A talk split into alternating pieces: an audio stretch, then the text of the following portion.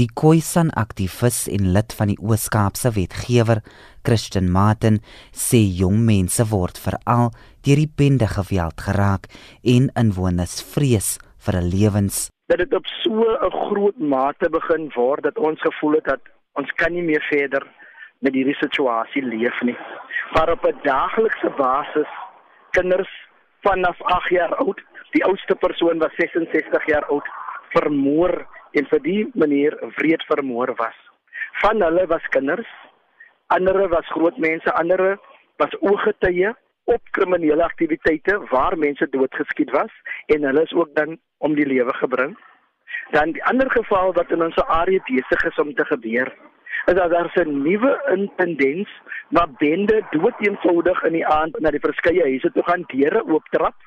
Mense met hulle gewere dreig en as jy probeer in opstand kom, dan sal hulle met jou deel weer of jou dood te skiet of jou sleg aan te rand. Hulle verwyder jou televisie sowel as enige waardevolle items uit jou woning uit.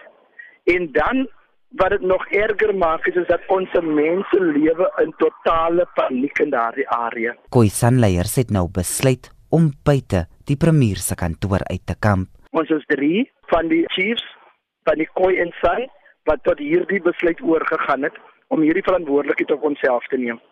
Chief Crawford, Fraser, Chief Korra, Henning en hulle slaap in 'n tent en ek slaap in 'n kus, 'n doodskus. Die doodskus verteenwoordig die omgewing waarin ek bly. En omdat ek 'n leier is van daardie omgewing, verteenwoordig ek die mense in die doodskus, want dit is hoe ons voel. Dit is wat Chief Crawford die hele tyd vir ons noem is dat ons mense kan nie net in vrede rus nie. Ons mense moet leef in vrede. Skool toe gaan moet ons se kinders in vrede, speel moet hulle in vrede. Ons kan nie net uitsien om rus in vrede nie. Martin sê hulle het met die premier vergader. Een van die dinge wat uitgekom het, was dat die minister uitgenooi gaan word na die Nelson Mandela Metro toe waar ons almal as belanghebbendes hierdie saak gaan saam adresseer.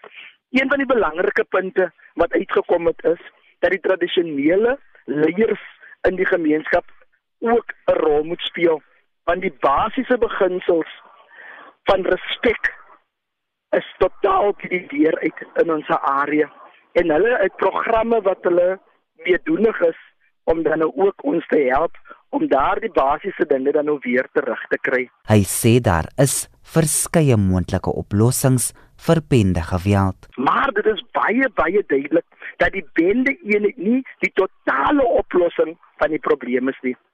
Dit is deel van die oplossing. Deel van die ander oplossings is ons moet se kinders moet deur rehabilitasie gaan. Ander deel van die oplossing is jy kry die swaar lerende kind op ons skole wat in die soos hulle sal sê die hoofstroom um opvoeding gesit word.